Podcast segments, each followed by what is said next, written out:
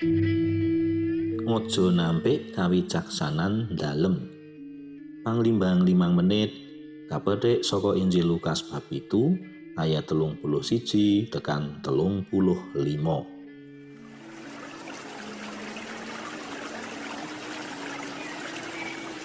Niah kecekal kowe cetha saiki sapa sing seprono seprene nyolong iwakku. Pak Kreneng nyekeli pundak elek tentrem sing lagi mbedeti iwak tawes ing cedhak kali kidul ngomah. Lek tentrem age nyauri. Eh, sapa sik nyolong? Lah iwak iki aku tuku dhewe nang pasar.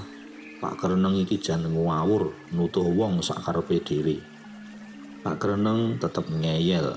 Aku ora percaya pokok men. Iwakku tawes jelas-jelas wis kelong. Lah kuwi saiki kowe mbedeti tawes. Mesti kuwi iwakku. Lek tentrem ngrogoh sak celonone terus nuduhake dluwang tondo pitukon sing wis uwel-uwelan. Iki lho buktine aku tuku iwak tawes ning pasar. Jenengan isih ngeyel. Pak Graneng nyauri, "Aku tetep ora percaya. Luang elek uwel-uwelan iku ora bisa kanggo bukti." Lek tentrem, age-age ngringkesi iwak lan kondo karo Pak Graneng. "De, melu aku ning pasar. Jenengan tak temokke Yumino sing dodolan iwak.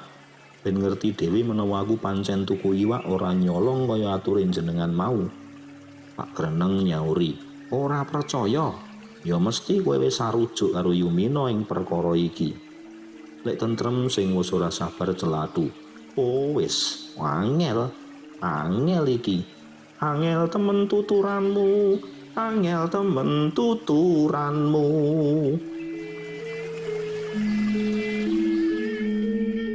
Ing Injil dina iki Gusti Yesus ngendika karo wong-wong Farisi lan ahli Toret. wong-wong golongan iki arep dak umpamakake lan kena dipadhakake karo sapa? Nalika Nabi Yohanes Pembaptis rawuh panjenengane siam lan ora ngunjuk anggur kok unekake kuwi wong kepanjingan demit.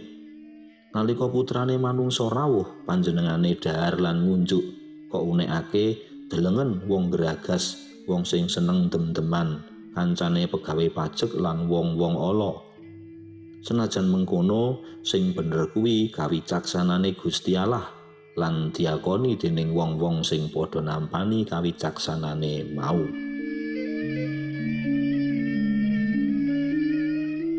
Para sutresna PLM iso dirasakake kepiye murinane Gusti Yesus ngadepi wong-wong Farisi lan ahli Toret sing angel tenan tuturane. Gusti Yesus wis mbuktekake sepiro kuasane panjenengan dalem kanthi nyarasake saking wong cacat, lara lan kang selupan demit. Ananging tetep wae wong-wong iku ora percaya malah nyelatu Gusti kanthi pandak wala. Memper karo critane lek tentrem sing mangkel karo Pak Kereneng amarga ngeyel lan tetep nutuh menawa dheweke nindakake patrap wala senadyan wis ana bukti nyatane. menawa wong wis kepanjingan ati ala ora seneng karo wong liya apa wae sing ditindakake wong liya senadyan iku bener lan bener ya tetep wae dianggep luput. Batin wis dadi reget pikiran dadi ora wening ora eling. Menawa mangkene kahanane batin kawicaksanan apa wae bakal ditampik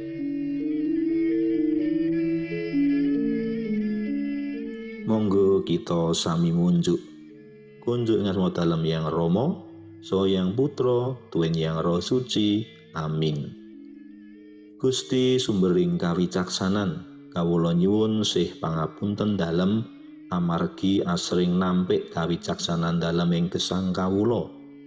Mugi kanthi sabda dalem ingkang kawedar, manah kawula saged padang jinglang ningali sedaya karsa dalem lan kawula saged nindakaken ing gesang kawula.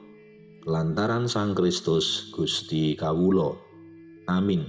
Kunjuk ing asma dalem yang Romo, so yang Putro, tuwin yang Roh Suci. Amin.